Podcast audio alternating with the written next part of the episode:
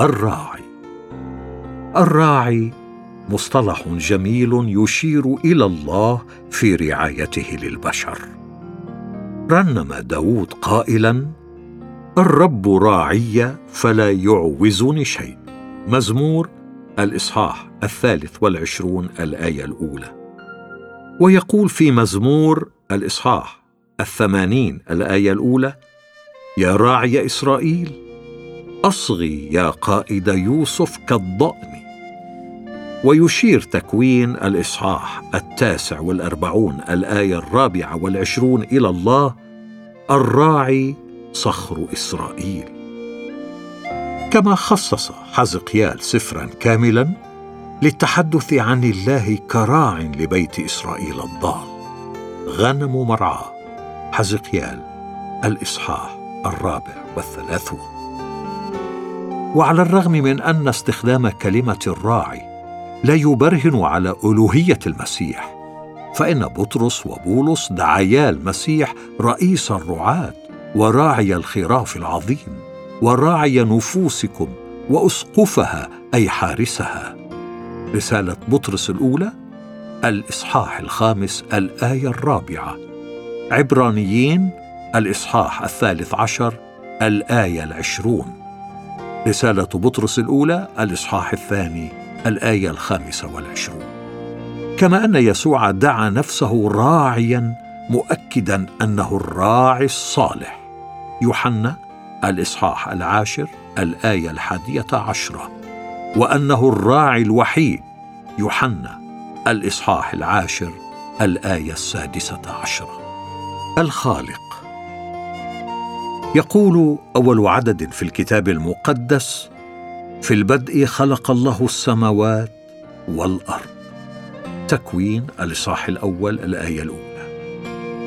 فالله يعرف بوضوح على أنه الخالق وإن قول أي شيء آخر مختلف عن هذا كان سيعد تجديفا من قبل اليهود.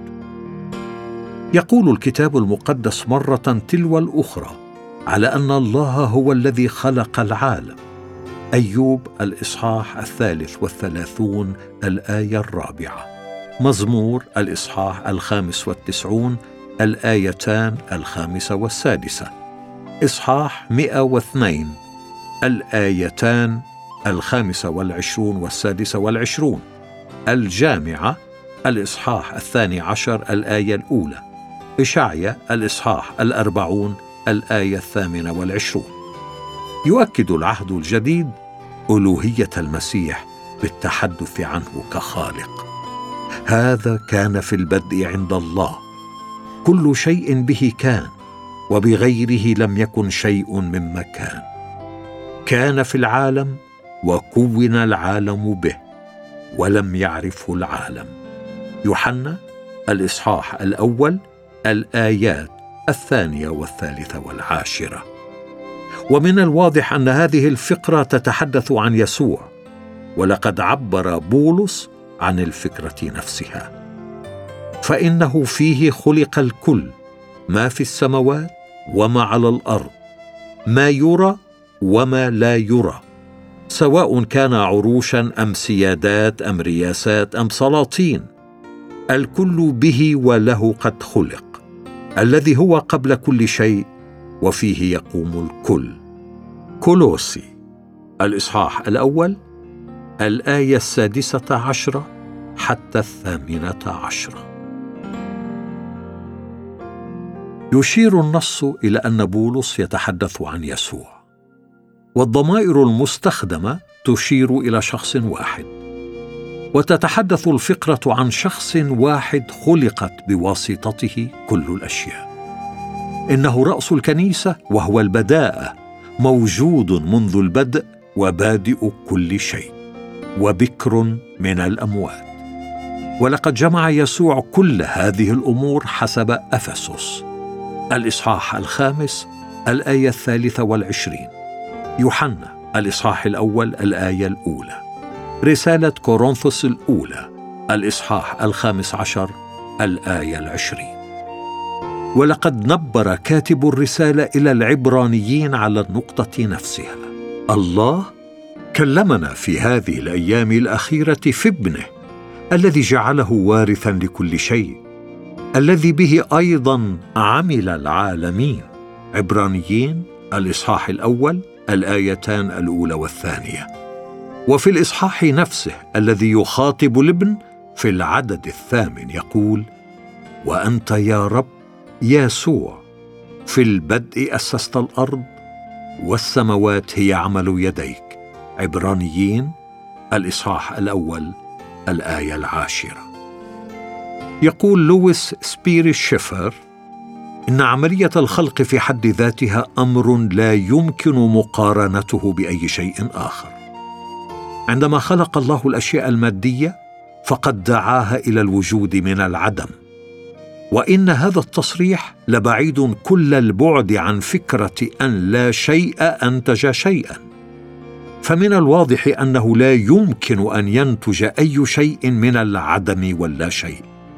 فالكتاب المقدس يقول بأن كل شيء قد برز إلى الوجود من موارد الله اللانهائيه فالله هو مصدر كل ما هو موجود. لقد تسببت إرادة الله الذاتية الحرة في خلق العالم المادي كما هو مذكور في روميا الإصحاح العاشر الآية السادسة والثلاثين. لأن منه وبه وله كل الأشياء له المجد إلى الأبد. آمين. يقول هذا العدد بأن الخلق عمل الله فلا يعزى إلى غيره.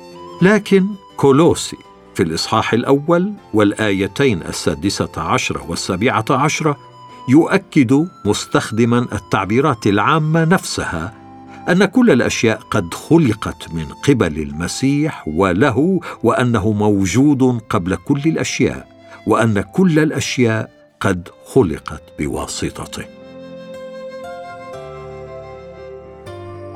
معطي الحياة.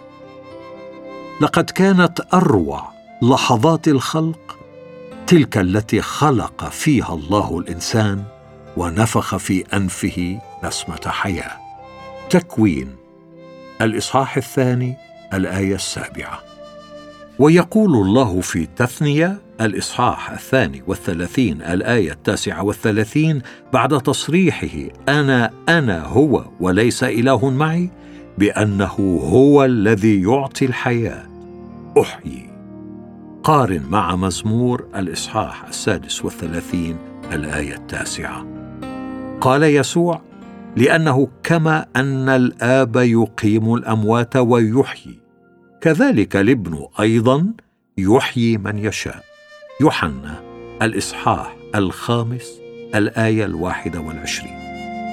قال يسوع قبيل إحيائه لعازر من بين الأموات أنا هو القيامة والحياة. يوحنا الإصحاح الحادي عشر الآية الخامسة والعشرين. كما أنه ذهب إلى حد قال معه بأنه معطي الحياة الأبدية. وأنا أعطيها حياة أبدية ولن تهلك إلى الأبد ولا يخطفها أحد من يدي. أنا والآب واحد. يوحنا الإصحاح العاشر الآية الثامنة والعشرين حتى الآية الثلاثين. قال يسوع بأن الكتب مشيرا إلى العهد القديم تشهد له تشهد لي ولا تريدون أن تأتوا إلي لتكون لكم حياة؟ يوحنا الإصحاح الخامس الآيتان التاسعة والثلاثون والأربعون. غافر الخطايا. الله هو غافر الإثم والمعصية والخطيه خروج الإصحاح الرابع والثلاثون الآية السابعة. ويستطيع يسوع ابن الله أن يغفر الخطيه يقول الرسول بولس في رسالته إلى أهل كولوسي الإصحاح الثاني الآية الثالثة عشرة والإصحاح الثالث الآية الثالثة عشرة إن يسوع هو الذي يغفر الخطايا. قال يسوع لبولس بأن عليه أن يؤمن به لينال غفران الخطايا. أعمال الإصحاح السادس والعشرين الآية الثامنة عشرة. جاء إليه بعض الأشخاص طالبين الشفاء لصديق مفلوج لهم. مرقس الإصحاح الثاني الآية الأولى حتى الآية الثانية عشرة. ولما لم يستطيعوا الدخول إلى البيت الذي كان يسوع يعلم فيه ثقبوا السقف ودلوا صديقهم المفلوج. قدر يسوع إيمانهم وتأثر به. فقال للمفلوج يا بني مغفورة لك خطاياك. يا للغطرسه ويا لجراه الافتراض. هكذا كان تفكير بعض الأشخاص الموجودين. كيف يمكن ليسوع أن يعرف خطايا الرجل المفلوج؟ وكيف يمكنه أن يقدم الغفران؟ كما لو كانت الخطايا التي ارتكبها هذا الشخص موجهة ضده كما هي ضد الله. كيف يغفرها وكأن لديه سلطانا على هذا؟ كان جواب يسوع واضحا لم يكن متغطرسا وإنما كان يقول الصدق وها هو الدليل. لكي تعلموا أن لابن الإنسان سلطانا على الأرض أن يغفر الخطايا. قم واحمل سريرك واذهب إلى بيتك. وهذا ما حصل. فدهشوا جميعا ومجدوا الله. كتب اي تي روبرتسون عالم اللغة اليونانية معلقا على مرقس الإصحاح الثاني الآية السابعة لقد اعتقد هؤلاء أن افتراض يسوع لهذا الامتياز أو الحق المقصور على الله وحده هو تجديف. وكان منطقهم صحيحا لكن العيب الوحيد هو استبعادهم إمكانية أن يكون ليسوع علاقة معينة مع الله تبرر تصريحه. وهكذا فإن الصراع هنا يدور حول قدرة يسوع على إثبات ألوهيته. لقد أدرك يسوع أنه مارس امتيازا مقصورا على الله بغفرانه خطايا الرجل المفلوج فقام بشفائه مقدما تبريرا كافيا لادعائه. يقول روبرت ألان كول في تعليقه على هذه الفقرة من إنجيل مرقس بأنه يمكن النظر إليها من زوايا عدة لكنها تلتقي جميعا لتعطي معنى واحدا وهو في شرحه للفقرة يعيد صياغتها. هناك طريقتان للنظر إلى هذه الفقرة. وكلا خطي التفسير مثمران ولهما معنى.